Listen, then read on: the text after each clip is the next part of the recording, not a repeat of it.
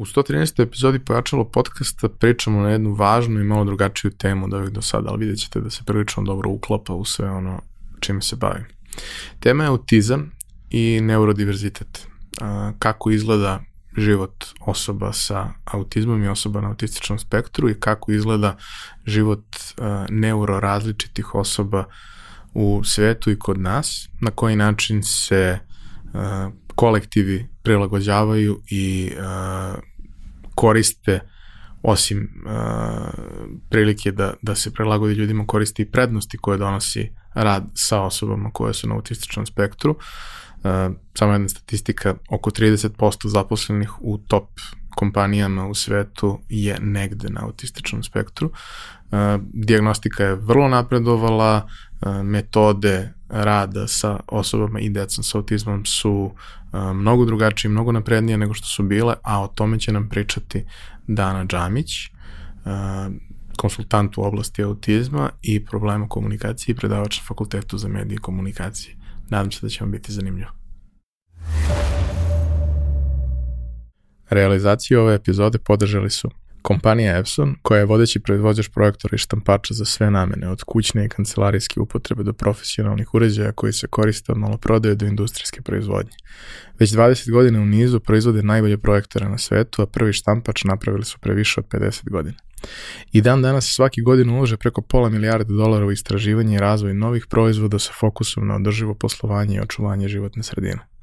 Upravo zahvaljujući tome, njihovi inkjet uređaji najnovije generacije prave 94% manje zagađenja od konkurencije uz maksimalan kvalitet otiska. I vaš mobilni telefon koji sada nosite i na kome nas možda slušate i gledate, najverovatnije je napravio robot koji je stigao iz Epsonove fabrike. Roboti su super. Japanski roboti pogotovo. Ovdje imamo još jednog sponzora. U pitanju je Masterbox. Masterbox je vodeća regionalna platforma za učenje u oblasti digitalnog marketinga. Bez obzira na to da li želite da gradite karijeru kao marketar ili prosto želite da svoj posao dodatno razvijete uz pomoć različitih oblasti digitalnog marketinga, Masterbox je idealno mesto za vas. Imaćete priliku da učite direktno od Istoka, Bildija, Roberta, Kojota, Ćose, Brzice i drugih kolega, kao i da budete deo zatvorene Facebook grupe za podršku u kojoj su predavači i drugi polaznici da se diskutuju i rešavaju realni problemi iz praksi. Ukoliko prilikom registracije na platformi upotrebite promo kod POJACALO, dobijete dodatnih dva meseca pristupa svim sadržajima besplatno. Za slučaj da želite da nas podržite vi individualno, uh, možete da posetite link u opisu podcasta na platformi Buy Me a Coffee i tu možete kupiti mesečnu pretplatu ili jednokratno donirati neki jednost koji želite. Hvala vam unapred na tome. Dano, dobar dan. Uh, danas imamo jako važnu temu i ovo nije tema koja je uobičajena za, za ono što radimo u pojačalu, ali jeste nešto što verujem da treba da bude uh, predmet razgovora i treba negde da uđe ljudima u svest i da bude tema o kojoj razmišljaju. Uh, autizam uh, kod nas ima Mm, jednu određenu uh, društvenu percepciju koja uh, se najčešće bazira samo na uh, teškim slučajevima i ne postoji nikakva svest o tome da zapravo uh, spektar podrazumeva mnogo veći uh, mnogo veći pa ne znam nekako bih to rekao ali mnogo drugačijih slučajeva od onih najekstremnijih koje, koje vidimo, koje, da kažemo, s kojima smo se susreli kroz od kinematografije do nekakvih ličnih iskustava koji nisu uh, jedini reprezent uh, populacije o kojoj pričamo, koja je zapravo mnogo brojnija nego što, nego što mi mislimo. Uh, šta je ono najosnovnije što treba da znamo o tome, a onda ćemo krenuti ono kako obično krećemo uh, pojačalo. Da. Da, upravo si kad si rekao da se o autizmu priča samo kao o nečemu što ima teško ispoljavanja, ali to je jedna tema. Jedna je da autizam jeste spektar i da imamo jaka ispoljavanja, znači decu i osobe sa vrlo teškim, jakim ispoljavanjima kojima je potrebno mnogo podrške, mnogo pomoći, koja ne mogu da funkcionišu sama, ali u isto vreme imamo ljudi kod, ko, ljude kod kojih je autizam skoro neprimetan, gde u ovakvom razgovoru koji vodimo ti i ja a, ne bi primetio da autizam postoji. I, a, međutim, to je jedna tema. Druga tema je što se kod nas i takođe u velikom broju zemalja priča samo o negativnim aspektima autizma. Znači čak i kad se prepozne da imaju, da postoje ono što se zovu visokofunkcionalni ljudi ili blaži slučajevi, priča se o tome šta je problem Priča se o tome da postoji deficit, da postoji teškoća, da postoji hendikep i da postoje prepreke za dnevno funkcionisanje. Ono o čemu se ne priča dovoljno je da postoje velike prednosti autizma.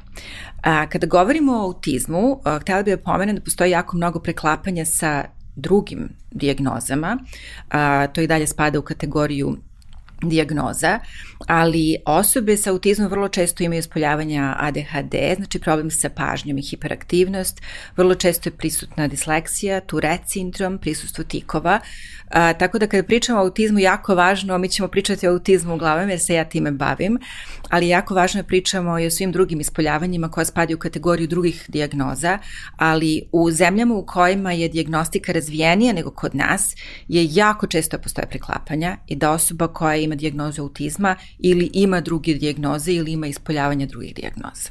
Vrlo je važno da prosto ako pričamo o svemu tome imamo svest da možda dijagnostika na naš, u našem slučaju nije baš na, na zavidnom nivou da vrlo često uh, ljudi ni ne dobiju uh, adekvatno, uh, adekvatnu informaciju o tome uh, koja je, koja je njihova situacija, odnosno šta sve oni treba da znaju o sebi. Ono što, što, što je, da kažem, bio možda direktan povod za ovaj razgovor je upravo činjenica da veliki procenat ljudi koji su na spektru mogu da žive izuzetno kvalitetne živote i na izuzetno kvalitetan način da doprinesu svojim kolektivima, rezultatima svojih kolektiva i da tu postoji sve više primjera i sve više nekih uh, studija i informacija koje dobijamo, koje su sa najrazvijenijih tržišta, uh, gde se na tome aktivno radi, dok kod nas u principu verujem da ni svest o tome ne postoji, a kamoli nešto više. Uh, hajde samo da, da napravimo taj uh, presek stvari, odnosno uh, ja sam konkretno, da kažem, primarno u marketingu i IT industriji prethodnih godina i to je industrija koja i ovde omogućava ljudima životni standard koji je daleko viši od, od nekog prosečnog. Uh, u toj industriji, na najrazvijenim tržištima, oko 30% zaposlenih se nalaze negde na, na, na mm. spektru. Da. A uh, ovde i da je tako, a poznajući dobar deo tih ljudi i, i, i negde sobstvenu, sobstvenu situaciju, uh, verujem da jeste, da je vrlo blisko tome, ali se ne zna, ali se o tome ne priča,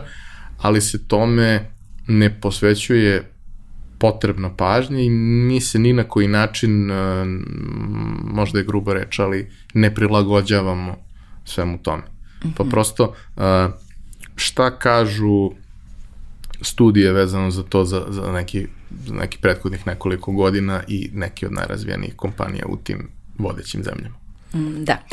A, hajde možda samo malo da se vratimo na taj proces diagnostikovanja, a, kada se ljudi u stvari obrate za pomoć. Neću mnogo pričati o tome, ali ljudi vrlo često se obrate za pomoć ako dete ne govori, ne odaziva se na, na ime, ako postoje vrlo očigledne ispoljavanja da ono što bi ljudi rekli nešto nije u redu. Međutim, kada imamo, na primjer, decu mlađu ili stariju, koja, na primjer, se teže socijalizuju, koja su vrlo impulsivna, koja, na primjer, imaju češće ispoljavanja besa, a, koja imaju neka druga neke druge probleme u ispoljavanju ponašanja.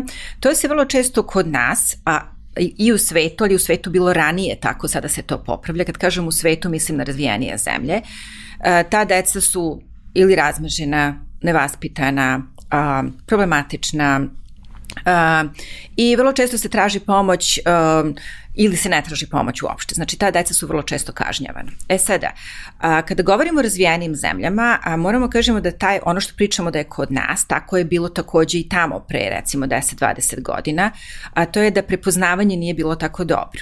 A, mi moramo da se setimo da ceo put ko, a, kroz koji je autizam kao stanje prošao, da je krenulo od toga da su prvo, da je prvo prepoznato stanje, pa su onda okrivljavane majke. To je taj tu čuveni fenomen hladnih majki i da su deca deca bila zatvarana u instituciji i odvojena od roditelja, ali su roditelji bili okrivljeni za to što su deca u takvom stanju. Mi smo se daleko odmakli, ceo svet se daleko odmakao od toga, ali čak i u zemljama gde je zaista taj put imao dosta brz razvoj u severno, severnoameričkim zemljama, u Velikoj Britaniji, to je tamo gde ja pratim u zapadnoj Evropi, prepoznavanje nije bilo tako dobro pre 10 i 20 godina. Znači ono što mi zovemo visoko funkcionalni autizam ili lakši slučajevi, to su ljudi koji to nisu znali i takođe su imali vrlo teške živote i morali su da se bore. Neki nisu imali teške živote, ali su morali da se bore sa svojim problemima i nisu znali zašto. Ono što je sada dosta česta situacija je da ljudi dobiju dete, dete ima vrlo jaka ispoljavanja autizam, dobiju diagnozu i onda oni sami u 40. i 50. nekada i kasnije, stariji ljudi, a, shvate da su u stvari bili, da su u stvari sami autistični. A, a to je ono gde vidite, ceo život se mučim da se socijalizujem. Uvek sam shvatala da sam drugačija. A, majke, vrlo često kod devojčica postoji taj takozvani skriveni autizam zato što one imaju taj fenomen kamuflaže a, često otkriju da su u stvari svi problemi koje su imale tokom života dobile svoje objašnjenje. Tako da sada nije redkost da odrasli ljudi koji su a, imali probleme u tim oblastima gde je, na primjer, problem sa a, prilagođavanjem na promene, problem sa senzornom integracijom, problem u socijalnoj interakciji, a, da u stvari otkriju, dobiju objašnjenje za to. Tako da nije redko da se dobije diagnoza u kasnim godinama života za autizam, ADHD ili disleksiju ili nešto slično. Da, na neki način ono što želimo da postignemo danas je da a, ljudi razumeju bolje sebe. Da a i da jedni druge bolje razumemo i da probamo da upravo to. razumemo i prihvatimo to da smo različiti. Mm Imamo i a, adekvatan izraz za to, neurodiverzitet.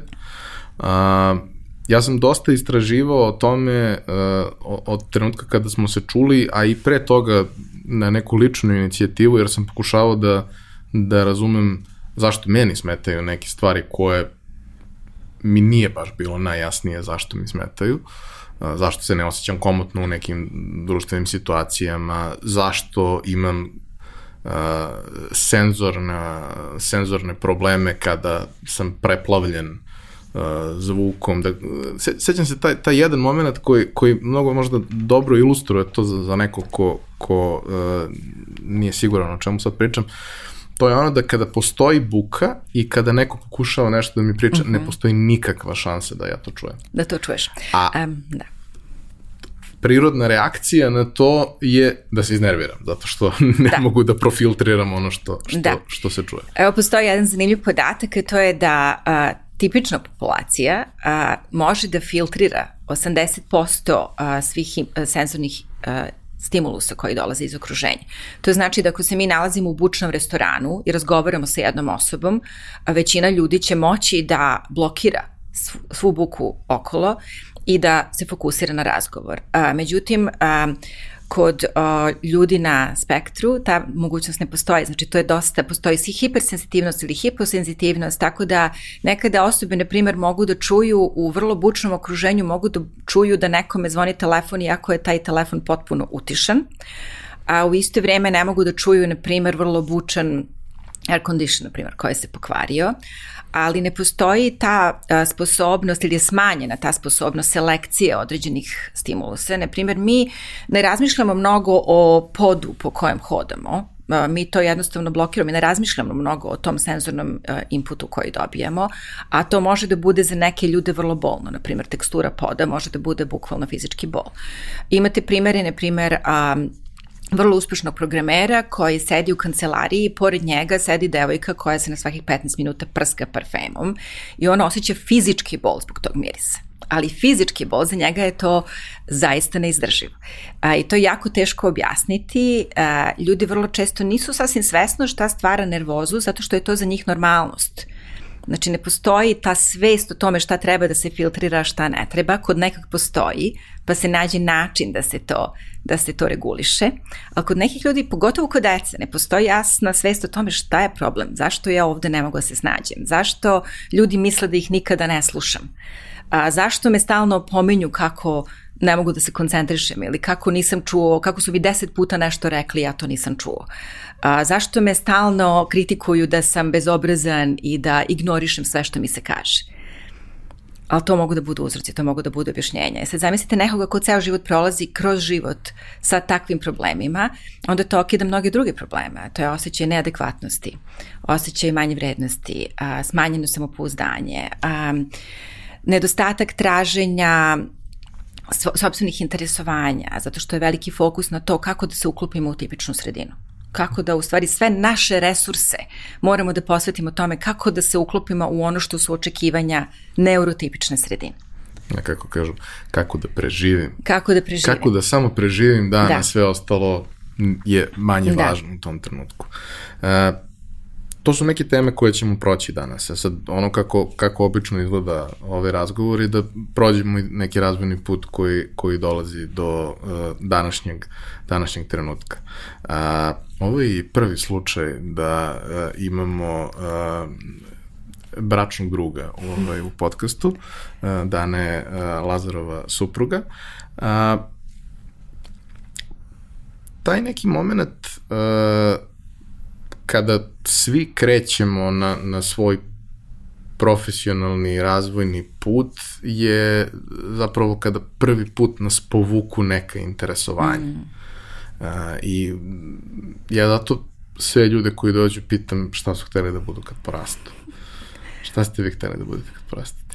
Uglavnom nisam imala pojma. Ja sam samo htela da, znala sam da me interesuje društvo, društveni progres, nauka o društvu, bolje razumevanje ljudi, znači to je bilo vrlo široko. Uh, a, apsolutno nisam imala nikakvu ideju šta bih htela da radim, a, htela sam samo jako mnogo da čitam, da se jako mnogo obrazujem. I to je bio veliki problem u mojoj porodici jer sam ja studirala sociologiju, niko nije imao pojma šta bi ja sa tim, Ovi, ovaj, tako da je to bilo izloženo ovaj, raznim kritikama, ali to sada nije bitno. U svakom slučaju to jeste dalo dosta dobru bazu za dalji razvoj, tako da ja fakultet vidim samo kao jednu prvu stepenicu u daljem ličnom nekom intelektualnom razvoju A, tako da za mene je profesija mnogo više taj neki kao intelektualni put a, nego samo posao. A, tako da to je bilo jako mnogo faza, a, vrlo je netipičan put. Ja sam ovde radila i u marketing agenciji i u istraživačkoj agenciji, to je bilo jako davno. I onda smo Lazar i otišli u London i uvek vrlo, vrlo brzo sam ušla u behaviorizam, odnosno istraživanje ljudskog ponašanja, ali u prvoj fazi to su bile istraživanja u korporativnim biznisima, znači primjene nauke u a, korporativnim biznisima. A, I onda je došlo, došli smo u fazu života gde su se stvorili uslovi i u moje glavi, a to je moj odnos prema tome šta me inspiriše, šta ne, šta ima smisla u toj fazi života, koji su prioriteti, a i porodični uslovi a, koji se zovu Dobili smo decu, ovaj, da se ta profesija promeni. Tako da sam u toj nekoj pauzi između dve profesije ovaj, se fokusirala jako, radila sam master i prošla sam kroz, kroz jako mnogo profesionalnih treninga koji su na svu sreću tamo ovaj, prilično pristupačni. A, ima ih mnogo, a, jako mnogo rada pod supervizijom kako bi ušlo u oblast a, autizma, problema sa komunikacijom, primene behaviorizma kao ovaj pristup, a, kao terapijski pristup, kao pristup podrške. I to je od tada u stvari sada jedan put koji nema kraja. A, tako da ja sada trenutno radim uh, i sa decom, uglavnom sa decom, ali se dosta fokusi, u svom istraživačkom radu i u tom nekom projektnom radu a, plan je da se fokusiramo u, u ogromnoj meri i na odrasle osobe. A, jako mi je drago da je a, e, način na, na, na koji ste to opisali, da je to prosto a, put koji nema kraj, da je to mm kontinuirana stvar, zato što kod nas najčešće se obrazovanje posmatra kao nešto što se završava. Mm šta si završio i kao, samim tim kad iskoristiš taj izraz, mi generalno nemamo baš sjajne izraze za većinu mm. stvari, pričat ćemo i o tome, ali uh, kada, kada kažeš da si nešto završio, to onda podrazumeva da nemaš više šta da naučiš, ne, ne. možeš način da budeš bolji, ok, možda možda budeš bolji praktičar, mm. ali stvari se razvijaju i nisu iste kao što su bile pre 20 da. godina ili pre 10 godina kada, kada smo studirali. Posebno je to uh, da kažem, kod ljudi koji su uh, u, u, u industrijama koje pre 20 godina nisu postojale mm. ili nisu postojale uopšte na, na ovakav način, ne postoji mogućnost da ti posmatraš stvari kao konačne i završene. U ovom poslu pogotovo, mislim, nema te osobe na svetu koja zna sve o autizmu, o stanju mozga, o neuronauci, znači to je oblast u kojoj nema šanse da mi završimo tu priču, tako da a, ja kad sam počela to da radim, a, to je bilo drugačije nego što se radi sada. Na primjer, u Britaniji pristupi su, sad se odmičemo polako od pristupa koji su bili vrlo uh, prihvaćeni kao najbolji pristupi tada. Tako da se ti terapijski pristupi, na primjer, u radu sa decom, jako menjaju. Um, behaviorizam se radio pre 40 godina na potpuno drugi način nego što se radi danas. A drugo, um, odnos društva prema svemu tome se menja stalno a, interesi biznisa se menjaju, a, interesi saznanja sa, samih interesnih grupa, znači ono što se zovu stakeholderi, ili tako, znači a, deca, osobe, porodice, stručna zajednica, a, saznaje nove stvari i onda se a, dola, ulazi u tu fazu aktivizma gde aktivizam menja odnos društva prema svemu tome. A, jedna od stvari koja, koja mislim da da je jako važna, to je da a, ovde u suštini E, stanje i e, društva i struke nije na dovoljno visokom nivou da prosto na pravi način možemo da se e, postavimo prema celoj situaciji. Ni struka se ne postavlja na baš idealan način, a društvo uglavnom nema nikakvu mm. svest o tome ili ako ima ona se bukvalno svodi na te neke najekstremnije primere koji uh, ne predstavljaju realnu sliku mm. uh, cele stvari. Uh,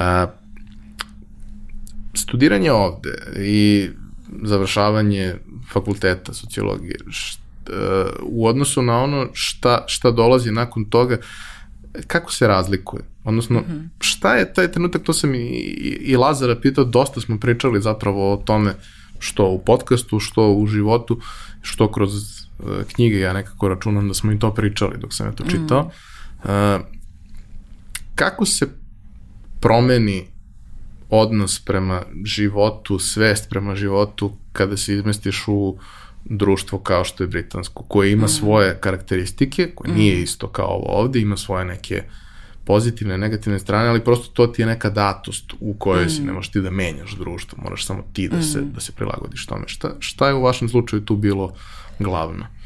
Um, ja bih kratko to um, opisala tako što se značajno je drugačiji um, oni su veliki empiričari. Znači, kada god se radi na nečemu, na bilo koje temi, u bilo koje pro profesiji, čak i ako se radi o humanističkim, humanistici i tako dalje, uvek se razmišlja o relevantnosti. Tako da je jako mnogo pažnje posvećeno relevantnosti onoga zašto mi to radimo, zašto to učimo i kako se to primenjuje. Tako da je primena znanja, mnogo je više, više fokusa na primeni znanja nego samo na znanju kao takvu. Tako da recimo kad sam ja radila master na Kent University u Canterburyu, a, meni je to bila ogromna razlika. A, znači, ceo master je bio posvećen sticanju znanja i radu na primjeni znanja. Tako da to je za mene glavna razlika koju sam ja uvidela i prilično sam sigurna da je to, ovaj, u stvari kroz razgovore sa ljudima sam ovaj, shvatila da je to a, zapažanje mnogih ljudi. Da, generalno neki stav ovde ljudi koji, koji to posmatraju sa, sa nekakve najčešće profesionalne distance je da e, zapravo prečesto e, čak i u e, profesijama gde je to mnogo jednostavnije izvesti mm ne postoji nikakav realan kontakt sa praksom. Sa praksom Kroz... i kad pričamo o tome, mi smo jako skloni a, kritikama, jako mnogo prikritikujemo i društvo i razne aspekte društva, ali ja ne nailazim dovoljno ni u stručnoj zajednici, ni u širem društvu na toj a, priči o progresu i o rešenjima, ali rešenja nije samo priča o rešenjima, nego uvođenje procesa rešenja. A, kada pričamo o ovoj temi, na primjer, mi ako hoćemo da imamo sistemsku podršku, nije dovoljno da uvedemo kategoriju, ne znam, ličnih asistenata i tako dalje. Mi moramo da imamo procese, procese koji kreću od diagnostike, praćenja, procese obrazovanja koji se određuju, koji se onda evaluiraju. Kako ćemo da imamo progres i napredak struke ako ne evaluiramo rad? na primjer, ako ne pratimo kako taj rad napreduje, kakve rezultate daje. Tako da a, tu je velika razlika. Na primjer, ja sam zaista ovde videla sjajne pojedince i sjajne primjere ljudi u stručnoj zajednici koji jako dobro rade, u stvari jako se mnogo trude, zaista se trude da uvedu prakse, trude se da saznaju, trude se da idu na razne obuke, edukacije i tako dalje, tako da ne mogu da osporim da nisam videla dobre primere, oni nisu sistemski podržani uopšte. To je to su, najčešće lična inicijativa. Lična inicijativa, jeste. Čak i ljudi koji rade u institucijama, opet institucije recimo su neke pojedine škole, dobro rade zbog lične inicijative ljudi koji tamo rade. Međutim, a, ako mi, na primjer, hoćemo, ako imamo dete koje se obrazuje, mi hoćemo da pod, postignemo, znači to dete, svako dete na, na primjer, na spektru ili dete koje ima neke teškoće, mora da postigne određene ciljeve, ali tako? Kao što dete u tipičnoj školi ima program iz matematike, postoji nešto što treba bude naučeno od početka školske godine do kraja. Tako je isto ovde. Mi ne radimo tu vrstu evaluacije, znači šta dete treba da nauči za tri meseca i da li smo proverili da li je to dete naučilo, ako nije naučilo, zašto nije naučilo? Postoje uzroci tome. To ne znači da je neko kriv, možda je pro, program pogrešen, možda program nije dovoljno dobro primenjivan. To je takva struka da je e, jako mnogo imati, e, jako, jako je važno u stvari imati neku vrstu supervizije i evaluacije rada. Aha. Tako da to, to je ta primenljivost, izvini, ove, primenljivost ove, znanja da bi došlo uopšte do toga da, da, da nešto možemo da primenimo, moramo da razumemo način najčešće kada, kada nismo mi ti koji smo inovatori i radimo nešto po prvi put, da bi mogli da primenjujemo, moramo da znamo kako su neki drugi to primenili i da krenemo za početak od toga, da neke makar ne. dobre prakse iz, iz nekih razvijenih društvama a, možemo da primenimo. A, voleo bih da e, ljudima damo e, taj poslovni kontekst cele priče, zato što e, kada pričamo o ovome e, i ljudima koji su e, na, na spektru, broj tih ljudi uopšte nije mali. Mm. A, dakle, broj onih koji možda imaju ta neka izuzetno jaka ispoljavanja nije preveliki, ali broj ljudi koji imaju blaže oblike je zapravo prilično veliki. Ti ljudi uh, imaju mnogo kvaliteta, imaju i neke svoje uh, izazove sa kojima treba da se bore, ovaj, i onda možda, možda ne moramo baš da im otežavamo na tom putu. Ovaj, ali e, zapravo vrlo često ne razumemo koliko je tih ljudi, ko su ti ljudi, kakve su uh, kakvi su problemi sa kojima se, se oni bore. Bih volao da probamo to mm. da, da objasnimo i da objasnimo, imali smo to, da kažemo, u uvodnom delu malo o tome, ali da objasnimo na koji način uh, su to kompanije, vodeće kompanije prepoznale kao priliku mm. i našle način da uklope u svoj sistem. Dobro. Da, znači zvanični podatak sada koji dolazi, na primjer, iz Severne Amerike je da a, ljudi na spektru autizma, dece i osobe na spektru autizma su 1 u 59. A, to je jednako zastupljeno kroz nacije, rase i sve segmente društva. Mi nemamo nikakav razlog da mislimo da je to kod, taj broj kod nas manji. Osim ja bih što... samo jednu stvar dodao, možda Uh -huh. Da mhm. kažem, moje, moje neko razmišljenje, volio bih da čujem komentar na to, to je, uh, stalno se priča o tome, posebno kod uh, teoretičara zavere, ovaj, kako je sada to mnogo brojnije uh mhm. -huh. nego što je bilo ranije, a meni se čini da je zapravo suština u tome da je samo to prepoznato za razliku od ranije. Sasvim sigurno je mnogo bolje prepoznato. Sasvim sigurno da ranije ljudi su dobijali dignozu šizofrenije, na primjer jaki slučajevi, posle se prepoznalo da nije šizofrenija nego autizam.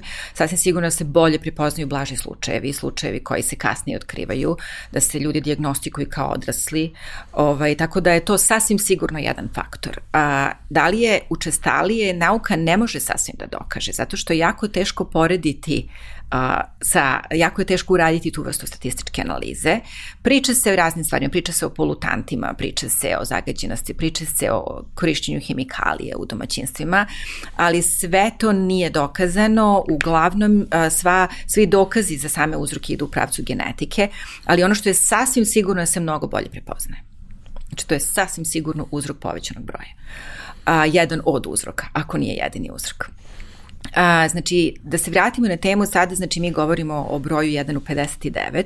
To znači ako mi imamo dva razreda, imat ćemo verovatno jedno dete u dva razreda u našem školama.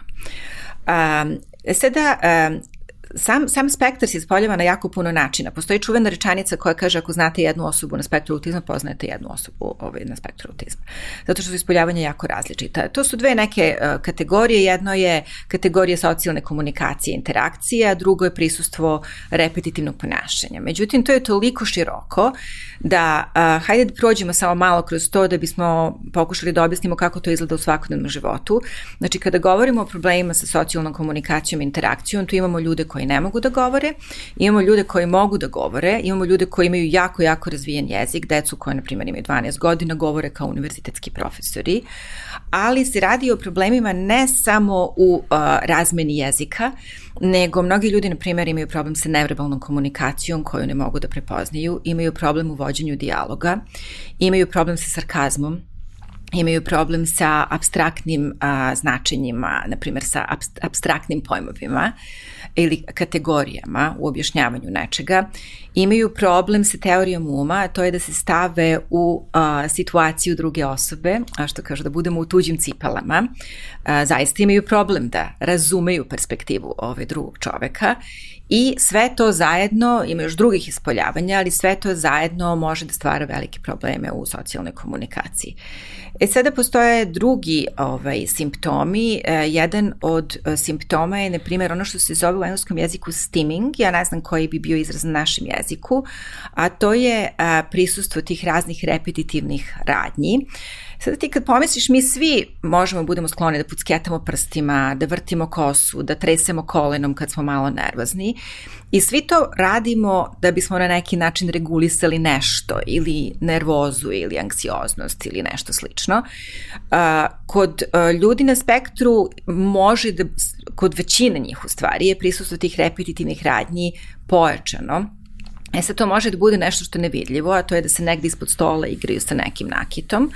Može da, sada postoje razni ti fidget spinneri, razne igrice koje, razne ovi gadžeti koji tome doprinose. Međutim, može da bude mnogo očiglednije, a to je da se ljuljaju na stolici, da moraju u određenim vremenskim intervalima da dodiraju određene delove svog lica, a, da ponavljaju određene fraze, da ponavljaju, na primjer, ono što druga osoba govori, što je, na primjer, dokazano, na primjer, ekolalije, to je dokazano da se radi zato što ako imaju problem u procesovanju jezika, oni će lakše procesovati ako ponove ono što im je rečeno, znači lakše procesuju, procesuju svoj glas nego tuđ glas ali a, ranije se u nekim a, terapijskim pristupima i intervencijskim pristupima dosta radilo na tome da se a, repeticije smanje.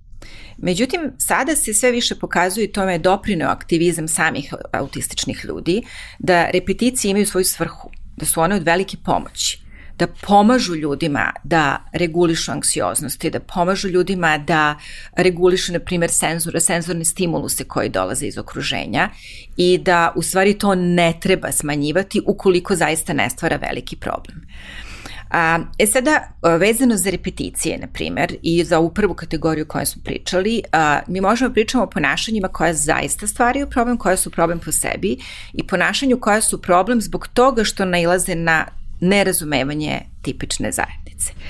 A, ti ako razmisliš, na primer, imaš dete u školi koje a, se prilagodilo, može da uči, ali ima tu potrebu da se stalno ljulja na stolici ili, na primjer, povremeno proizvodi glasove koji su neobični, na koje niko nije navikao, ili vodi komunikaciju na vrlo čudan način.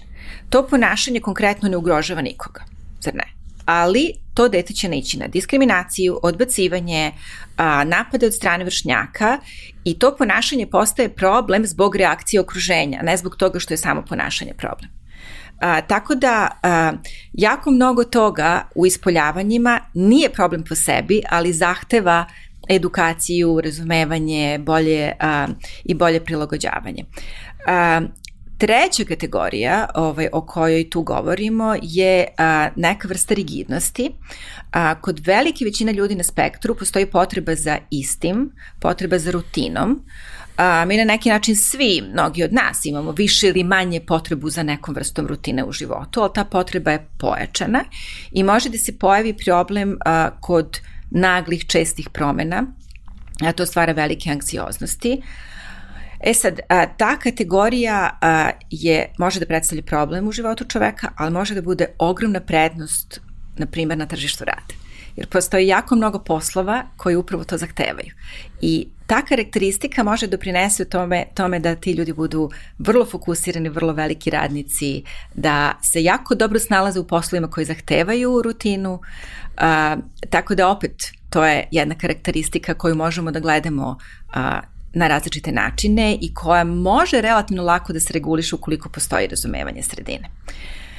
Četvrta velika kategorija koja nije uslov za diagnozu, to je taj problem sa senzornom integracijom i smatra se da 90% autističnih ljudi ima problem sa senzornom integracijom. To znači da postoji smanjena sposobnost da se selektuju ste, senzorni stimulusi iz okruženja i to je ono što smo pričali da jednostavno ne mogu da a, otklone stimuluse koji smetaju i da se fokusiraju na stimuluse koji su relevantni u tom trenutku i to može da predstavlja velike probleme. O tome možemo pričamo kada pređemo na razgovor o tome šta se radi na tržištu rada i kako to može da se reguliše. A, tako da to su, a, e sad da, postoji ta peta kategorija koja je povezana, izvinjam se, sa ovaj, svim ovim, a to je vrlo intenzivan fokus. A, tako da kod velikog broja dece i osoba postoji nešto što je vezano i za repeticiju i za rutinu, ali vrlo intenzivno interesovanje za nešto. I tu dolazimo ovaj, na temu zašto ima jako mnogo pro programera koji su ovaj, na spektru autizma, ali ne samo programera. A, interesovanje su apsolutno u svim kategorijama. Mogu da budu jako dobri umetnici, mogu da budu sjajni muzičari. A, čak se pokazalo da, na primer, a, neke osobe koje su dobile dijagnozu u srednjim godinama života su jako dobri psihoterapeuti, zato što jako dobro prepoznaju paterne u ljudskom ponašanju. A, tako da a, istina je da u a, IT profesiji je to postalo nešto što je potpuno običajno. U Silicon Valley u Kaliforniji to je razgovor kao da pričate o tome koju muziku slušate. Znači to da li je neko na spektru ili nije, to je jednostavno javna stvar, prilično je uobičajeno, vrlo je često i na to su manje više veliki broj ljudi je tu adaptira. I pričamo o 30% da. svih zaposlenih tih Jest, top da. kompanije. Da. A, ono što bih isto voleo da, da, da se nadovežem je da taj moment uh, tih nekih pet kategorija, uh, sve te stvari su pomešane. Mm -hmm, Ima od jest, svega pomalo. To je vrlo komplikovan miks prevelikog mm. broja varijabli, prevelikog broja promenjivih i suštinski upravo, upravo to. Svaki pojedinačni slučaj je, je slučaj za sebe, ali to su neki elementi koje, koje, koje, koje sadrži. To su neke stvari za koje uh, kada analiziraš možeš da se uhvatiš za tako neke stvari da od toga kreneš. Ali... To su kategorije. U okviru kategorije mi imamo jako mnogo različitih ispoljavanja. Ne, to.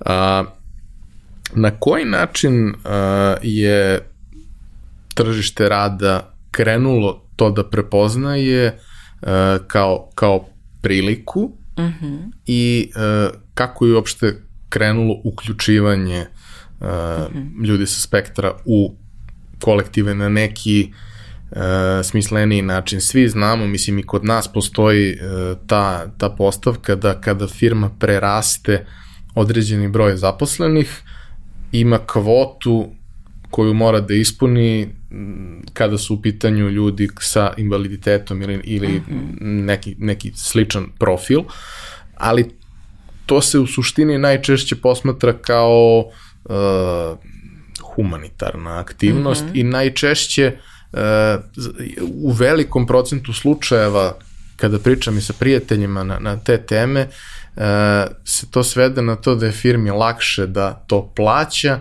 nego da se bavi time, što u vrlo komplikovanoj tržišnoj utakmici ovde i uslovima nekad i mogu da razumem, ne baš uvek, ali uh, to je to kako je kod nas danas je u suštini ono i kako je počela cela situacija, mm. da, da je to po, prosto posmatrano kao nekakva društveno korisna aktivnost, mm. a ne nešto što od čega može i sama kompanija da, da ima benefit. Ali u kom trenutku to kreće da se menja? Mm -hmm. A, ti si već objasnio jedan deo toga. E, samo ću da se vratim na termin neurodiverzitet, pošto je vrlo bitno za ovo što si me pitao. A, kratko ću kažem, neurodiverzitet je a, prvi put ovaj, a, uvela žena koja se zove Judy Singer, koja sada ima 70 godina i koja je sociolog, koja je sama na autističnom spektru, koja je čerka autistične majke i majka autistične čerke. Dakle, da ona u sredini od tri generacije žena i ona u stvari, a, zašto je to relevantno za ovo što pričamo, pošto ona prva se suprotstavila ideji da su a, stanja kao što su autizam, ADHD, disleksija, diskulkalija, turet i tako dalje, da su to patologije. Znači ona je htela da se odmakne od patologizacije, od med, medicinskog pristupa takvim stanjima i da a, počne da priča o tome kao normalnim a, varijetetima u razvoju ljudskog mozga. Jer mi sada znamo da je a, u sadašnjim uslovima, u zemljama u kojima se to prepoznaje diagnostikuje, 20% populacije neurorazličito. Znači 20% ljudske populacije ima neku od dijagnoza o kojima pričamo, gde autizam zauzima veliki broj, ali recimo smatra se da 3 do 7% ljudi imaju ADHD. A, tako da je cela priča počela tako, E sada, pre nego što je počela se priča o neurodiversitetu, znači pre 20 godina i tako dalje, bilo je kompanija koje su bile otvorene ka zapošljavanju ljudi koji su ili sa invaliditetom ili koji imaju neku dijagnozu ili su naravno zapošljavali ljude koji su drugačiji, ali je pitanje bilo koliko su bili otvoreni da tu ta drugačija ispoljavanja razumeju. A, to si ti dobro objasnio, to su bili isključivo altruistički razlozi, to je zato što je to bilo dobro da se uradi ili su imali neke vrste povoljnosti, na primer, u nekim zemljama smanjenje poreza i tako dalje. To je sasvim sigurno ideološki u redu, međutim od tada, od kako je počeo taj narativ o neurodiverzitetu i kako se sa velikim entuzijazmom ta cela paradigma menja i kako se ide na to da to je druga vrsta normalnosti Znači, nije ovo je, sad mi smo normalni, ovo su ljudi koji imaju teškoće, ovo su ljudi koji, a, kod kojih nešto nije u redu. Izlazi se iz toga, ide se da je sve to normalnost, ali je ovo neka mala drugačija normalnost koju treba da razumemo na drugačiji način i ne gleda se samo problem, ne gleda se samo koje su teškoće tih ljudi, nego se gleda koje su prednosti. A, kako se razu, autizam konkretno i ADHD, a i disleksija razumeo sve bolje i bolje, a, određene kompanije su postale pioniri u tom prepoznavanju prednosti, taleneta, određenih karakteristika koje su jako dobre za biznis. A, jedna od, neke od kompanije koje su pioniri u svemu tome, koje to rade već nekih desetak godina i više, su Microsoft, SAP, uh, Ernst Young, Hewlett Packard, to su velike kompanije, ali na primjer SAP je 2013. godine uveo program koji se zove Autizam na radnom mestu i oni su 2013. godine imali za cilj da do 2020. zaposle 650 autističnih ljudi širom sveta. I taj cilj je postignut. E sada, a, ja, ovde sam ja pomenula velike kompanije kako bi to doprlo do ovaj, ljudi i kako bi shvatili da zaista ozbiljne kompanije o tome razmišljaju na ozbiljan način, ne samo da bi bile humane, nego zato što shvataju da je to dobro za biznis. A, ima jako mnogo malih primjera kompanija koja se ne bave samo a, IT profesijama, a, nego, na primjer, ima primjer kompanije perionica automobila gde je otac koji ima autističnog sina otvorio to zbog svog sina, zaposlio njegovog druga koji je takođe autističan i sad ta kompanija zapošljava 40 i nešto autističnih ljudi koji svi su na spektru i svi jako dobro to rade. Radi se o tome da su kompanije prepoznale, naravno postoji među autističnim ljudima postoje ljudi koji imaju talent koji su zaista u kategoriji genijalnosti, koji su jako dobri u prepoznavanju paterna, koji jako dobro čitaju detalje koje tipična populacija ne može da vidi, koji imaju sklonost ka inovacijama, koji mogu da misle na način na koji tipičan čovek ne može da misli. I toga ima mnogo. Međutim, a, greška je što se misli da većina autističnih ljudi ima neku vrstu genijalnosti. To nije slučaj. Međutim, karakteristike autizma, na primjer preciznost, predvidivost, a, jak fokus, na primer, a, ako neko sedi na poslu i fokusira na to što radi, pokazalo se da osoba na spektru može da sedi mnogo duže a, i da se ne obazira na distrakcije a, i da to radi jako, jako uspešno.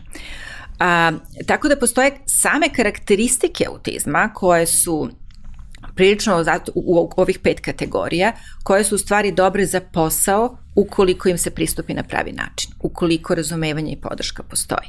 Tako da taj narativ se menja od toga da ok, hajdemo da zapošljavamo ljude da bismo bili humani, do toga hajde sad ovo je stvarno jako dobro za biznis. E sada u zemljama se taj put razlikuje. Na primjer u Britaniji postoje primjeri, na primjer Auticon je kompanija, IT kompanija koja zapošljava isključivo ljude na spektru autizma i promoviše te prednosti. Ali i dalje u Britaniji u mnogim kompanijama čoveka koji ima dijagnozu, čovek traži dijagnozu, onda se zaposli, I onda u stvari za, ima zakonsko pravo da traži neku vrstu podrške. Ta vrsta podrške može da znači da tra, traži neku vrstu prilagođavanja, od strane kompanije. Može da traži, na primjer, da ima nešto što se zove job coach, a to su, na primjer, nezavisne organizacije koje će da angažuju osobu koja će mu biti tu kao neka vrsta savjetnika ili a, koja će da koordinira komunikaciju između njega i ostatka poslovnog okruženja. Tako da postoje jako, jako mnogo različitih primjera, ali recimo u Americi a, to još uvek nije toliko regulisano kao u Britaniji na ovaj način na koji sam objasnila, ali u Americi ima više kompanija koja upravo traže namerno ljude koji su ili sa ADHD ili na spektru autizma, zato što vide te prednosti.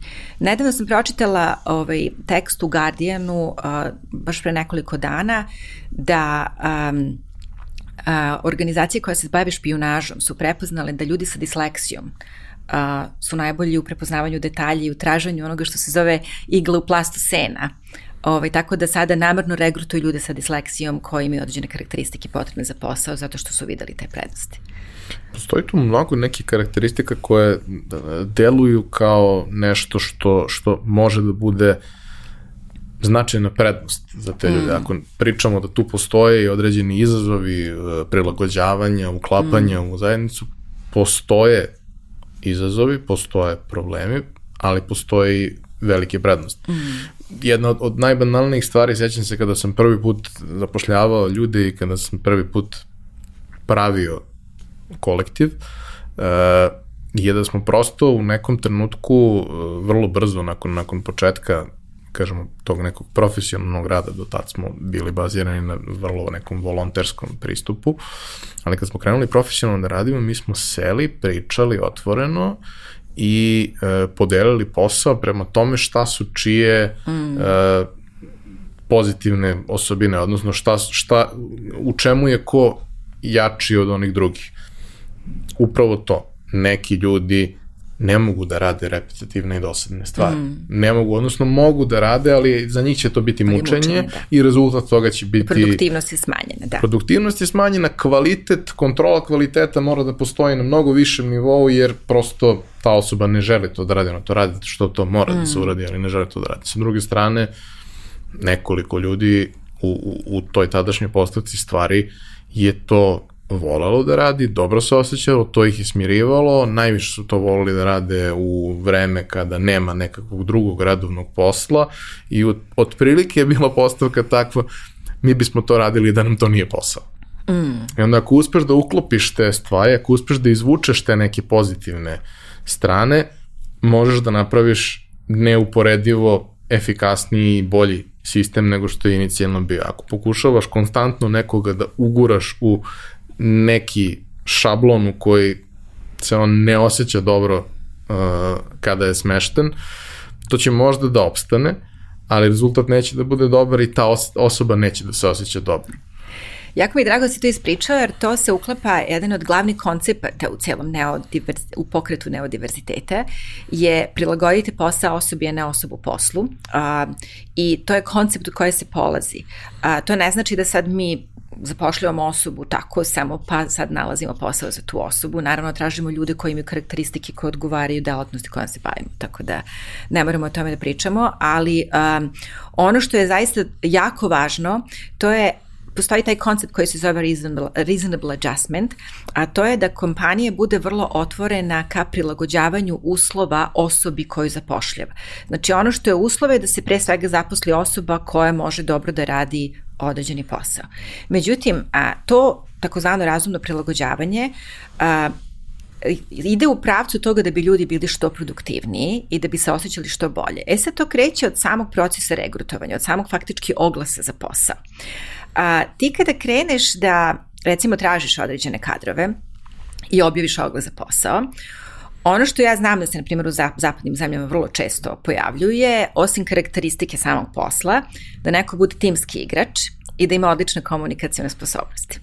E sad, imajući u vidu sve ovo što smo pisali, ovaj, teškoće koje imaju osobe na spektru, šta za njih znači timski igrač? To je vrlo jedan širok pojam a, i osobe na spektru se obično jako uplaše od toga i same za sebe misle ja nisam timski igrač i ja nemam dobre komunikacijone sposobnosti. A, međutim, ako se pristupi tome na drugačiji način, na primer u razgovorima, a, se osoba pita kako biste reagovali ako bi neko od kolega davao feedback na projekat koji ste uradili ili na koji način biste hteli da dobijete feedback. Mi onda vidimo već koje su karakteristike u komunikaciji koje će bolje funkcionisati za osobu. Uh, druga stvar koja se radi u tom procesu da bi se ljudi osjećali bolje je prosto prilagođavanje poslovnog prostora. Zbog toga što većina ljudi ima taj problem sa sensornom integracijom. Uh, pita se da li je potrebno podesiti svetlo, a, da li neko može da bude u velikom prostoru ili je možda potrebno napraviti neku vrstu ograde oko njegovog stola, da li mu je potrebno da, služi, da nosi slušalice, da blok, blokira zvuke. A, vrlo često kompanije ponude a, prostorije, mirne prostorije, u kojima mora bude tišina, tako da osoba mora da traži, može da traži da češće pravi pauzu, Um, ima jako mnogo primera na koji način mi možemo da prilagodimo prostor, ima mnogo uh, smernica već koje su se razvile uh, na tu temu, ima mnogo konsultanata koji su se specijalizovani, specijalizovali za to kako se prostor, poslovni prostor prilagođava neurorazličitim ljudima. Uh, komunikacija je takođe jako bitna. Uh, mi ako dajemo na primjer osobi instrukcije šta da radi, a, ta osoba možda bude jako dobra u tom poslu. Ako mi dajemo previše instrukcije u isto vreme, a, može se desiti da osoba ne razume. Možda osoba mnogo bolje razume instrukcije ako se instrukcije daju pismeno. A, možda treba da se daje u određenim fazama. A, možda treba da se daje u određenim uslovima. A, možda ta osoba ne može da procesuje jezik ako se nalazi, na primjer, na poslovnim sastancima gde ima puno ljudi. A, mislim, ja sam radila sa kolegom a, u istraživačkoj agenciji koji je u 45. godini otkrio da je autističan on je uvek na sastancima bio strašno oznojan i mi nikada nismo znali zašto. U stvari je njemu to stvaralo velike anksioznosti, a bio je vrlo, vrlo je bio senior, mislim, vrlo je odmakao u onome što je radio, bio je jako dobar istraživač i on je tek kada je, on se toliko mučio, zato što u istraživačkom poslu, na primer, taj uh, put koji ljudi prolaze u promovisanju, oni što su više na lestvici, u toj hijerarhiji u kompaniji, oni moraju da menadžuju sve više ljudi. E sad, jako su ljudi jako dobri istraživači i po svojim istraživačkim sposobnostima mogu da budu vrlo senior, oni ne mogu da menadžuju ljude. Um, a to je bio prosto jedan jedini put tada, pre 20 godina, da ljudi napreduju. Kada je on dobio dijagnozu, on je rekao da, ja sam jako dobar istraživač, ali ja ne mogu da menadžujem ljude. To je za mene mučenje. Ja ne znam kako da razgovaram ljudi s ljudima, a, jako sam anksiozan i to je njemu oduzimalo jako mnogo energije. E sad zamisli da recimo um, Zamisli uslove u kojima sve to ne postoji. Znači, ljudi su jako posvećeni poslu, jako dobri u tom poslu, a, rade ga sa jako velikim fokusom, mogu dugo da ga rade bez ikakve distrakcije, postoji ogroman entuzijazam, ali imaju sve te smetnje a, o kojima smo govorili. Zamisli koja energija mora da se uloži, koliko je to kognitivnog napora, koliko je to fizičkih napora da se svaki put prođe kroz dan i koje druge probleme to može da okida i koliko je šansi propušteno, pošto ti su ljudi samim tim manje produktivni ako prilagođavanja nisu učinjena i koliko je potencijala tu propušteno ukoliko a, nismo uradili te, a, ta bazična prilagođavanja. A vrlo često nije neophodno da se prilagodimo svemu, ne. nego da napravimo određeni deo nazovimo to ustupaka, ali da, da napravimo određeni deo prilagođenja i već će situacija biti neuporedivo bolje. To je onaj moment koji, koji svakome desio, ali ako se nekome dešava svaki dan, onda mm. to baš i nije dobro, a to je da ti završiš neku količinu obaveza koju kad probaš objektivno da analiziraš ne bi trebalo da ti mm. predstavlja napor, ali ti si potpuno iscrpljena. Da, a, i zbog toga za većinu ljudi u stvari nije potrebno uraditi mnogo, jer a, mnogi ljudi su svedočili kako su se ceo život mučili da što više liče na tipičnu populaciju, da se na njima ne vidi ta različitost I mnogima je lakše samo kada otkriju šta je kad se nađu u okruženju gde o tome otvoreno mogu da pričaju. Tako da za mnoge ljude je dovoljno da kažu da ja sam na spektru autizma ili ja imam ADHD, da li mogu da komuniciram kad imam problem. Znači da imaju tu dozvolu da kažu ovo mi stvara problem, da li mogu da napravim pauzu 10 minuta ili meni je potrebno na svakih, 10, na svakih sat vremena da budem u mirnoj prostoriji. A, znači to su vrlo često ne moramo ništa da uradimo, nego je ljudima dovoljno da se osjećaju komforno u svojoj koži i da mogu otvoreno pričati o tome. Ja e. recimo sam imao taj jedan princip koji u principu i, i dalje ovaj, gledam da sprovodim sa, sa svojim kolegama, a to je da e, postoji količina posla koja treba da se uradi. Kako ćeš, kad ćeš mm. da mhm. uradiš, na koji način ćeš ti da organizuješ svoj dan, meni u principu nije važno. Ja da. mogu da ti dam savet šta meni radi, možemo da pričamo mm. o tome na koji način možda bolje da se organizuješ, ali ako tebi više prija da to radiš nekom, nekim svojim tempom, imamo deadline imamo neke stvari koje treba mm. da se mm. ispoštuju, u okviru toga, principu, organizuju se onako kako tebi najviše odgovara. To je jedan od pristupa. To je svakako jedan i tu je recimo doprinala zašto je sada taj narativ uzeo dosta maha je tokom uh, COVID-a, kad su ljudi mnogo radili od kućama, poslodavci su shvatili, poslodavci su neizbežno morali da urade mnogo, mnogo prilagođavanja, nezavisno od ove teme i shvatili su da biznis i dalje ide. Ljudi mogu da rade od kuće, mogu da se rade sastanci jako svakog od svoje kuće, ljudi mogu da ne rade prepodne i da rade u kasnim satima jer prepodne imaju obaveze oko dece. Tako da je jako mnogo dodatnih prilagođavanja moralo silom prilika se uredi I ceo pokret za neuro, neurodiverzitet je u stvari uh, iskoristio ovu priliku da se dokaže koliko su razumna prilagođavanja moguća bez para, bez mnogo uh, truda i koliko u stvari mogu da doprinose biznisu. A, mislim, postoji opet jedan podatak da 57%, to su istraživanja koja su urađena u Kanadi, 57% prilagođavanja koja su potrebna da bi se ljudi, da bi ljudi bili maksimalno produktivni, da bi se osjećali dobro na poslu, ne koštuju ništa a 37% košta manje od 500 dolara. A, e sada, nedavno sam slušala intervju sa direktorom a, aerodroma u Vancouveru, koji je rekao da, ali ja za neke osobe, ne za sve, uložim 500 dolara da mu malo prilagodim sto za kojim radi i onda imam fenomenalnog radnika, fenomenalnog radnika narednih 10-20 godina. A, jedan od podataka je takođe da ostanak na poslu je mnogo a, češći, na primjer, pošto u zapadnim zemljama je ta promena posla jako česta, ljudi u, pros, u prosjeku menjaju posao svake dve godine, dok recimo ljudi na spektru, a, za njih je mnogo veća šansa da ostanu u poslu u dugom vremenskom periodu. I tu su ako biznisi, im je tamo ok. Ako im je ok. I onda su biznisi prepoznali da ih u stvari, oni ne moraju stalno da ulažu, jer to košta para regrutovanje novih ljudi. Ponovno rade trening i, i da, upravo da. to. Tako da e, ima mnogo razloga da postoji veliki, i to je dokazano do sada, ne postoji još dovoljno istraživanja, ali postoji, ali postoji dovoljno, ne postoji toliko mnogo, ali postoji dovoljno da se dokaže da postoji veliki business case da se na tome ozbiljno radi. Jedna od stvari koje, koje prosto uh, negde moramo da uzmemo u obzir je da, ok, dobar deo stvari zaista ne zahteva nekakva posebna sredstva mm. ili su ta sredstva na nivou koji je izvodljiv čak i za mm. zemlju koja nije baš u sjajnoj ekonomskoj poziciji. Ali taj moment gde u određenom procentu slučajeva to podrazumeva nekakav dodatni izdatak mm. za firmu, u mnogim slučajevima firme već prave izdatke koje su mnogo veći od toga samo ih fokusiraju na pogrešne stvari. Na potpuno druge stvari. Jer vrlo redko zapravo uopšte pričaju sa ljudima šta je ono što, što mm. njima znači. Posebno sada kada, kada a opet vraćam se na IT jer je IT drugačiji od svega ostalog, mm. ali nekako svi bi želeli da vremenom sve više profesija dolazi u tu poziciju u kojoj su IT-evci da mogu da biraju gde žele da rade, da mogu da diktiraju uslove, da mogu da pregovaraju uslovima, ali recimo to je vrlo karakteristično kada pričaš sa, sa, sa uh, tim ljudima, uh, sve kompanije se bore za svoje zaposlene benefitima mm. koje, koje daju. Jedna stvar je, dakle, boriš se time šta će taj neko da radi, da taj posao ima smisla da nije samo dobro plaćen jer svuda je dobro plaćen, mm. nego i da znaš zašto to radiš, da to nije neki dosadan, besmislen posao.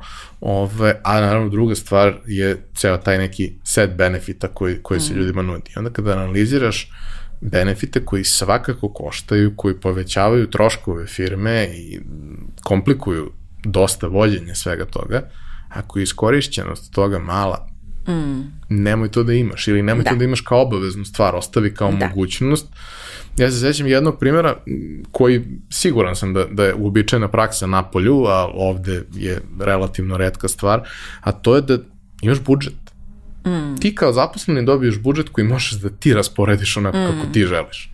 Da, I onda zaista dobiješ jeste, mogućnost da. Da, da, da nešto da. radiš kako treba. Takođe, uh, znam, uh, recimo, nekoliko slučajeva kompanija koje su uh, omogućile svojim zaposlenima i u ovom periodu uh, korone, ali i, i pre toga, da imaju stručnu podršku u, mm. u, u tome što rade, da imaju uključene psihologe, da mm. posao HR-a nije samo posao selekcije kandidata, nego Upravo i to. prosto karijernog vođenja, savjetovanja svih tih Jeste. ljudi, gde to je onaj moment mi se povremeno dešava i, i kroz ovo što radim sa pojačalom i inače kada pričam sa ljudima, uh, rečenica kad kaže tebi kao da je stalo, oko, pa stalo mi je. Ja, mislim, ne bih to radio da mi nije stalo. E tako isto ti ljudi koji su uključeni u taj proces, recimo sa strane firme, su ljudi za koje ti ljudi misle da im je stalo, a vrlo verovatno i da. jeste da. ne bi to radili.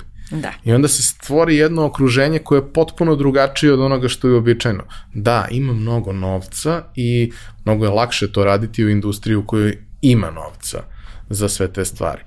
Ali mnogo tih prilagođavanja zapravo ne zahtevaju ništa posebno, samo zahtevaju malo pažnje i malo više svesti o tome šta, šta ljudima treba. Da, pažnje, svest, razumevanje i tolerancija. A to je ono, znači ako imamo nekoga ko vodi konverzaciju na malo neobičan način, a dovoljno je ta osoba ne doživi diskriminaciju zbog toga. Nekada je to dovoljno.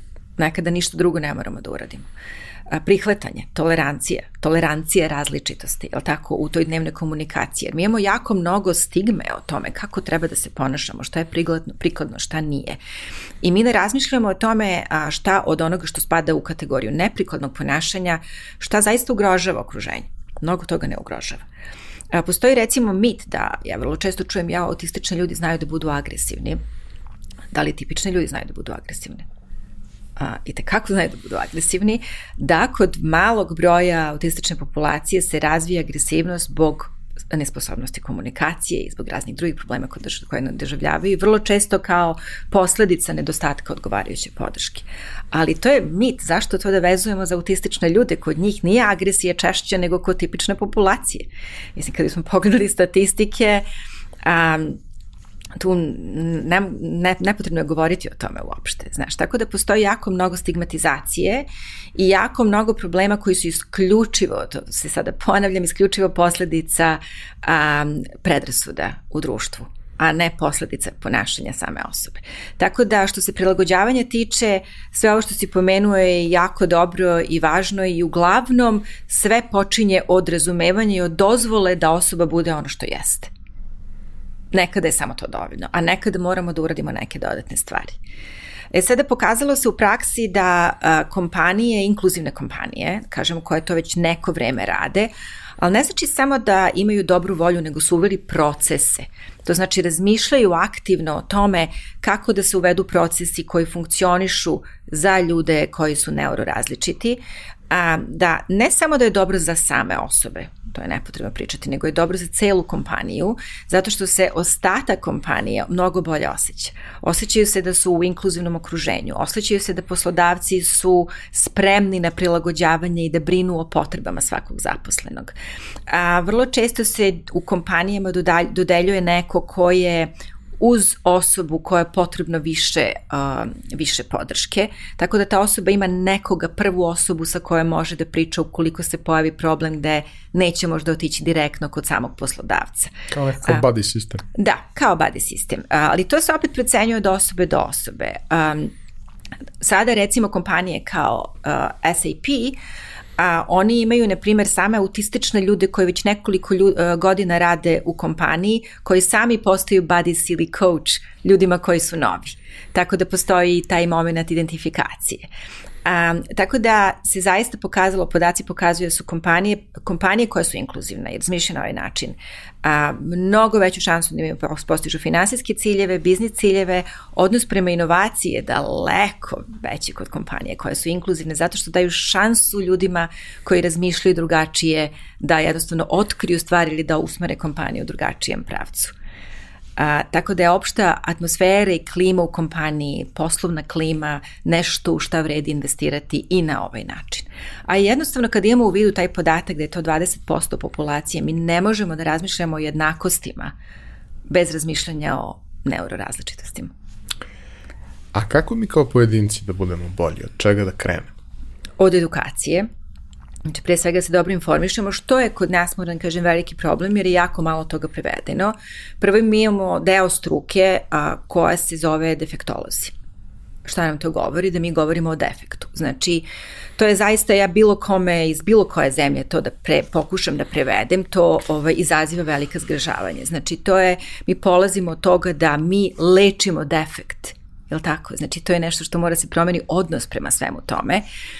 Drugo, napisano na stotinu knjiga na hiljade knjiga, a, jako mnogo praksi je razvijeno. Mi, mi kao društvo smo jako u zaostatku što se svega toga tiče, mi za to nemamo opravdanje, to što smo manje razvijeni nije opravdanje, a nije ni objašnjenje. Mi možda imamo neka druga sociološka objašnjenja zašto je to tako, koje ja pokušavam stalno da nađem, ali nikako, nikako se ne nađem u nekim objašnjenjima u potpunosti, više su to pokušaj objašnjenja, ali opravdanje nemamo to što smo manje i manje razvijeni, um, jako je mnogo potrebno ulaganje u struku, ulaganje u procese, ulaganje u sistemsku podršku, ulaganje u sve moguće faze a, o kojima smo pričali, od prepoznavanja diagnostike, rane intervencije, edukacije, opšte podrške u društvu, opšte edukacije društva.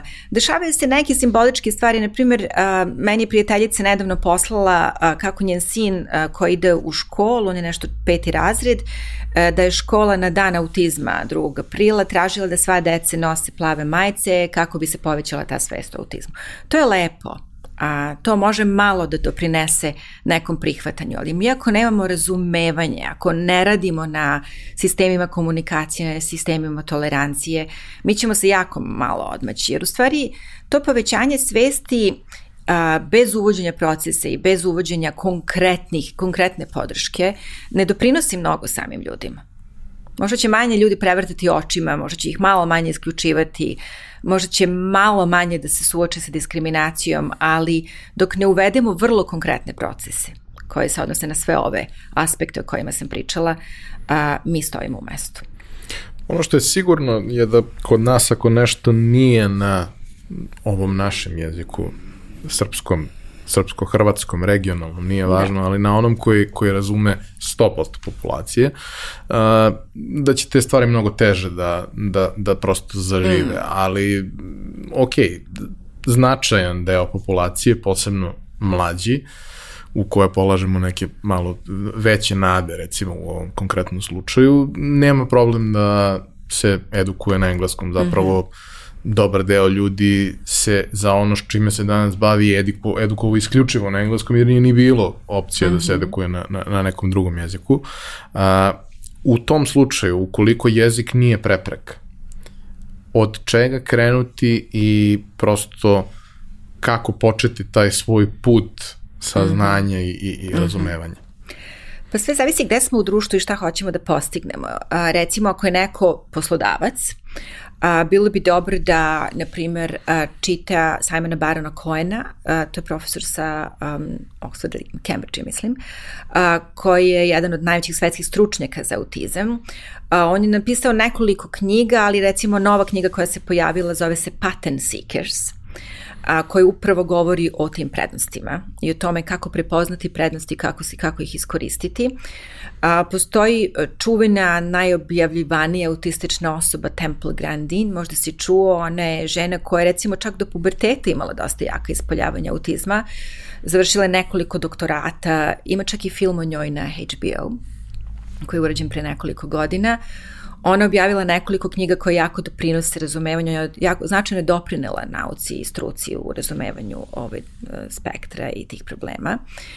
Um, postoji um, jako dobra knjiga koja se zove Neurotribe, a, koja govori o tim neispričanim aspektima istorije autizma koji su jako važni da se vidi kroz koje procese sve društvo prolazi da bi bilo tu gde jeste i kroz šta sve još mora, koliko još tu mora da se radi. Međutim, kažem, sve zavisi od tome gde su ljudi šta hoće da postignu. Ukoliko ljudi rade terapije sa decom, tu postoji na stotine knjiga e, vezanih za behavioralne pristupe, za razne naturalističke pristupe i tu mi je zaista teško da uparim prstom u jednu, jednog autora ili jednu knjigu. E, sve zavisi sa kojim uzrastom rade, sa kojim ispoljavanjima problemima i šta hoće da primene, u koju vrstu primene veruju. Tako da to bi zahtevalo dosta istraživanja na temu šta im je tačno korisno, ali postoji mnogo knjiga vezanih za specifične metodologije, na primjer kako raditi u školama, kako angažovati decu u školama, kako organizovati aktivnosti za gde se kombinuju, na primjer, deca sa teškoćama i deca bez nekih specifičnih teškoća. Tako da literatura je brojna i ono što je meni u stvari ovaj, prilično porežavajuće da je jako malo kod nas i mi ne moramo da izmišljamo nekakvu toplu vodu, to postoji. Um, Dok to pričam, važno je pomenuti da u razvijenim zemljama stvari nisu sjajne uopšte. Znači, mi dalje govorimo o procesu, ali se mnogo toga dešava, narativ je mnogo prisutniji, a zakonodavstvo mnogo više radi na tu temu, primena je mnogo prisutnija a, i nema nikakvog razloga da mi budemo u 20-30 godina za ostatka. Ja ne vidim a, razlog a, osim nedostatka dobre volje u sistemu. Da, ono što isto, mislim, zvuči vrlo banalno, ali kao neko ko generalno dosta čita na engleskom i navikao sam da čitam određene sadržaje, bilo stručne, a sve češće i ove ostale ovaj, na engleskom, vrlo često imam jako veliki problem kad čitam prevod. Da, slažem se. Najčešće zato što je prevod slažem, loš. Slažem se. A ovo su posebno um, uh, specifične stvari u kojima i osoba koja to prevodi treba da ima puno razumevanje. Razumevanje, jeste. I da nađe adekvatan način da, da stvar uh, da. prilagodi jeziku koji baš na kome nije namenjeno da to da. bude možda da. inicijalno. Tako da i to je verovatno jedan od, od, od razloga, iako ne dovoljno dobar da da možemo da to gledamo da, kao izgovor. Da, dalje možemo da preuzmemo mnogo toga, zaista ove, mnogo toga bi moglo mnogo bolje da se radi sa uvođenjem sistema procesa i sa više dobre volje i mi moramo kao društvo A, mi nismo baš mnogo društvo različitih, mi smo u ogromnoj meri društvo jednakih. E sad, jedan faktor može da bude da je kod nas taj neki diverzitet manje prisutan. Mi nemamo toliko drugih rasti, nacija imamo, ali možda ne toliko da bi to bilo opšte prisutno, ali taj odnos prema različitostima, ja to vidim generalno kao ideološki problem u Odnosno, našem društvu. Naše razlike možda nisu toliko vidljive na prvi pogled. Mm, da, ili se ne, ne promovišu se, ne vrednuju se razlike. Ne kažem da ih nema. Mi smo različiti koliko i svi drugi ljudi. Kod nas diverzitet nije manje prisutan među ljudima nego u drugim zemljama. Ali se manje ispoljava zato što se manje priznaje, manje se, a, manje se vrednuje. Nije, razumemo se, slažem se, nego prosto a, kada sam prvi put išao u Veliku Britaniju, išao sam za vreme olimpijskih igara u Londonu i u četiri ujutru na jednom od trgova je i dalje milion ljudi, jer prosto olimpijske su igre i niko nema vremena da spava i ti čuješ desetine jezika koje nikad mm. nisi čuo. Mm. Ok, čuješ i one koje si čuo, naravno italijane čuješ uvek i, i svuda, mm. ali ovaj, čuješ desetine jezika koje nikad nisi čuo, vidiš da. toliko različitih lica, toliko različitih mm. fizionomija, što kaže, vidiš ljude od 2.20 do 140, mm. svi su na jednom mestu i uh, tako nešto ovde ne možeš da doživiš. Što može da bude jedan od faktora koji utiče i na odnos prema ovome. Ali Mislim nije da taj moment uh, koji se desio posle 2000-te i u tom nekom periodu narednih deseta godina, kada su ljudi konačno počeli da imaju mogućnost da putuju, mm. da je dosta doprineo da razumemo da postoje i druge stvari. Mm. Mi smo mm. bili pre, mislim, banalan je, banalna je stvar, ali mislim da je dobra paralela. Pre 15 godina u Beogradu si imao jednu vrstu restorana Da. Uz to si imao da. i malo italijanskih, hajde, mm. pošto je to vrlo blisko i svi vole picu i paste, ali to je to. Ti sad u Beogradu možeš da jedeš sv, skoro svaku vrstu da. od svetskih kuhinja i to možeš da uživaš u vrhunskim restoranima, vrhunskom kvalitetu svega toga i to ti je mnogo dostupnije. Ja se sećam, mislim, nikad to neću zaboraviti, mislim da sam pominjao već jednom u nekoj od epizoda, ali kao prošlo jedno 13-14 godina kad sam ja prvi put probao azijsku kuhinju. Meni je to bilo jako odbojno i mi je bilo potpuno strano. Onda me je prijatelj nagovorio da probam i od tad sam I veliki fan da. ovaj, azijske kuhinje. S tim što, naravno, to što, što, što mi konzumiramo kao azijsku kuhinju je prilagođeno prilično nam. Pa dobro i u drugim zemljama je, mislim, naš prilagođeno nekom evropskom ukusu, tako da nije. Ali ti nudi mogućnost da probaš kombinacije koje pre toga nisi probao, nudi da. ti mogućnost, mislim, mi nemamo to, dobar izraz, a opet to je nešto što sam već pominjao, ali kao uh, flavor. Mm. Mislim, sve to ok, život, ti možeš da postaviš život na neki dobro strukturiran i organizovan način da imaš sređen život. Mm. Ali ako nemaš to nešto što će mm. da te povuče, zbog čega ćeš da budeš zadovoljan i srećan, a svako od nas ima nešto drugo mm. što, što mu je važno, nije to to jednostavno. Da. Slažem se i uh, drago mi se pomenuo da se ipak stvari menjaju, da negde završimo kao malo pozitivnije. Ja ne mislim da se ovde ništa ne dešava na tu temu. Znači ta svest o svemu tome je povećana, priča se više u medijima, a, postoji volja, ja sam videla jako mnogo entuzijazma, na primjer, u stručnim zajednicama da se radi. A, postoji mnogo empatije, čak to sam recimo prepoznala dosta ovaj, u stručnoj javnosti, ali ne, morali bi da idemo brže iz prostog razloga što su u pitanju ljudski životi. Znači, mi ako razvijamo 20 godina nešto što bi moglo da se razvije dve godine, tu je prošlo 20 godina života velikog broja ljudi koji bi mogli da žive mnogo bolje i kvalitetnije, da smo stigli u toj stručnoj podršci mnogo ranije. Ne samo stručna podrška, nego i ovo sve o čemu smo pričali. Tako da a, postoji jako velika odgovornost za nedostatak tog bržeg razvoja a, procese struke, podrške a, i svega ovoga o čemu smo pričali, a, ali daleko od toga da se ništa ne dešava. Samo je suviše spor. A e, na kom nivou i na koji način bi bilo dobro da e, da kažemo, država, društvo uh, se krenu uključivati u prosto celu ovu stvar. Ogromno, ne ulaganje toliko i novčano, ali ogromno ulaganje u edukaciju. Znači da se rade edukacije po školama, da se priče u medijima, da se uvode obuke, ali obuke koje nisu samo da neko drži PowerPoint prezentaciju i priča o tome kako bi trebalo, nego ja sam radila neke edukacije i obuke gde su zaista dolazili ljudi iz struke, ljudi koji rade, na primjer, u specijalnim školama, koji zaista imaju ogromnu želju da unaprede svoj rad. A, pre svega zato što su to izabrali da rade, a drugo zato što se zaista muče u svom radu, ne znaju kako da rade sa decom sa takvim problemima. Tako da ja nisam videla toliko nedostatak volje, ali dalje svi imaju tu želju da se vrate na posao sa nečim konkretnim, kako da promenim svoj rad, kako da mi bude bolje.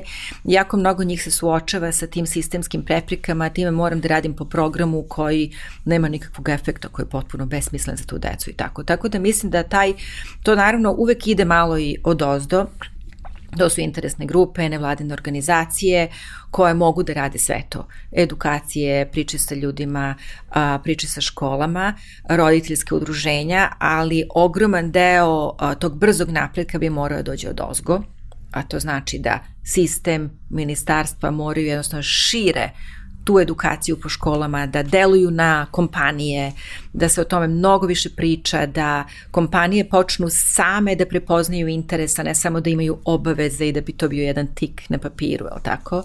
Tako da mislim da o tome mora mnogo više da se priča i da se ta volja, ta ideološka volja društva pomera kroz edukaciju. Vrlo često mehanizam koji, koji se koristi kad su ovakve teme u pitanju je nametanje nečega, mm. a niko ne voli da mu bilo šta bude mm, da. nametnuto da. i prirodni, prirodna reakcija na to je odbojnost prema da. tome. Da, radi se o promeni paradigme. A, ta promjena paradigme se a, dešava kroz jako a, efikasne narative, narative koje zaista ljude ubede da je to dobro za njih, da je dobro za nas, da je dobro za vašu decu, da je dobro za, za kompaniju, da je dobro za društvo, da ljudi moraju da počnu da veruju u to. I bez toga ne možemo da napravimo velike pomake. Pa nadam se da ćemo da krenemo i nadam se da je ovo jedan mali, mali, mali, mali početak neke otvaranja neke diskusije mm. makar na tu temu, jer verujem da je to dobar prvi korak da se malo bolje razumemo u, u, u celoj ovoj priči. Za sam kraj, šta je vaš plan u narednom periodu? Pa moj plan je upravo ovo da, pored ovoga što radim sa decom, a to je sad za mene novi izazov, da se više posvetim projektima i konsultacijama koje su baš ovde u oblasti a, rada i univerziteta. Univerziteti su takođe mesto gde se mnogo radi na tim prilagođavanjima kako bi studenti što uspešnije završili i pripremili se za tržište rada. Tako da to jeste kao što je to nova tema u svetu, relativno nova i ovaj, taj narativ sada uz, uzima zamah. Meni je takođe cilj da to otpratim. Kod nas, ta da kažemo, akademija deluje kao jako rigidno mesto.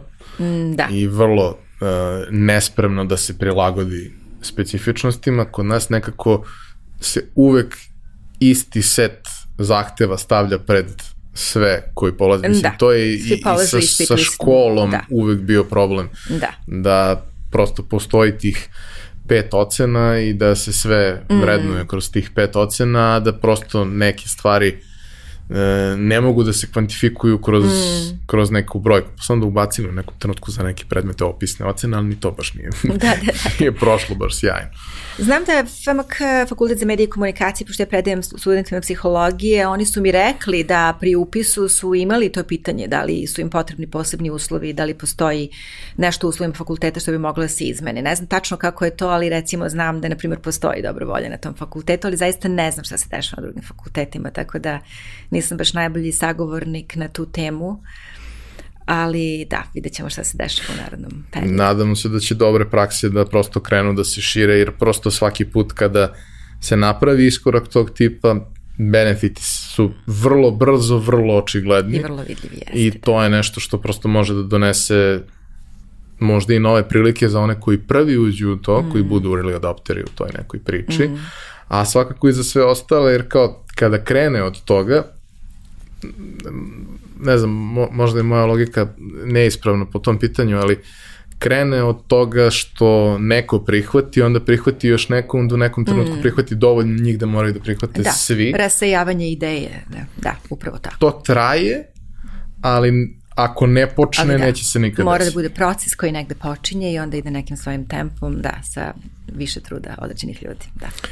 Ano, hvala puno. Hvala tebi. Uh, nadam se da vam je ovo bilo interesantno, da je otvorilo neke teme za razmišljanje, da ćete možda uh, nakon ovoga što, što, što ste čuli malo bolje da razumete i okruženje i sebe i da nađete neki način da uh, ostvarite sklad sa stvarima i, i, i nekad i ljudima sa kojima se konstantno borite, a možda ne biste morali. Ukoliko vam se dopala današnja epizoda, razmislite da se subscribe-ujete na naš YouTube kanal ili prijavite na našu mailing listu ili da počnete da nas pratite preko platformi za distribuciju podcasta. Ja bih iskoristio priliku da se zahvalim našim sponsorima, Masterboxu i kompaniji Epson, kao i svima vama koji redovno komentarišete i dajete nam predloge, sugestije, ideje i pitanja za naredne epizode. To bi bilo to. Vidimo se sledeće nedelje.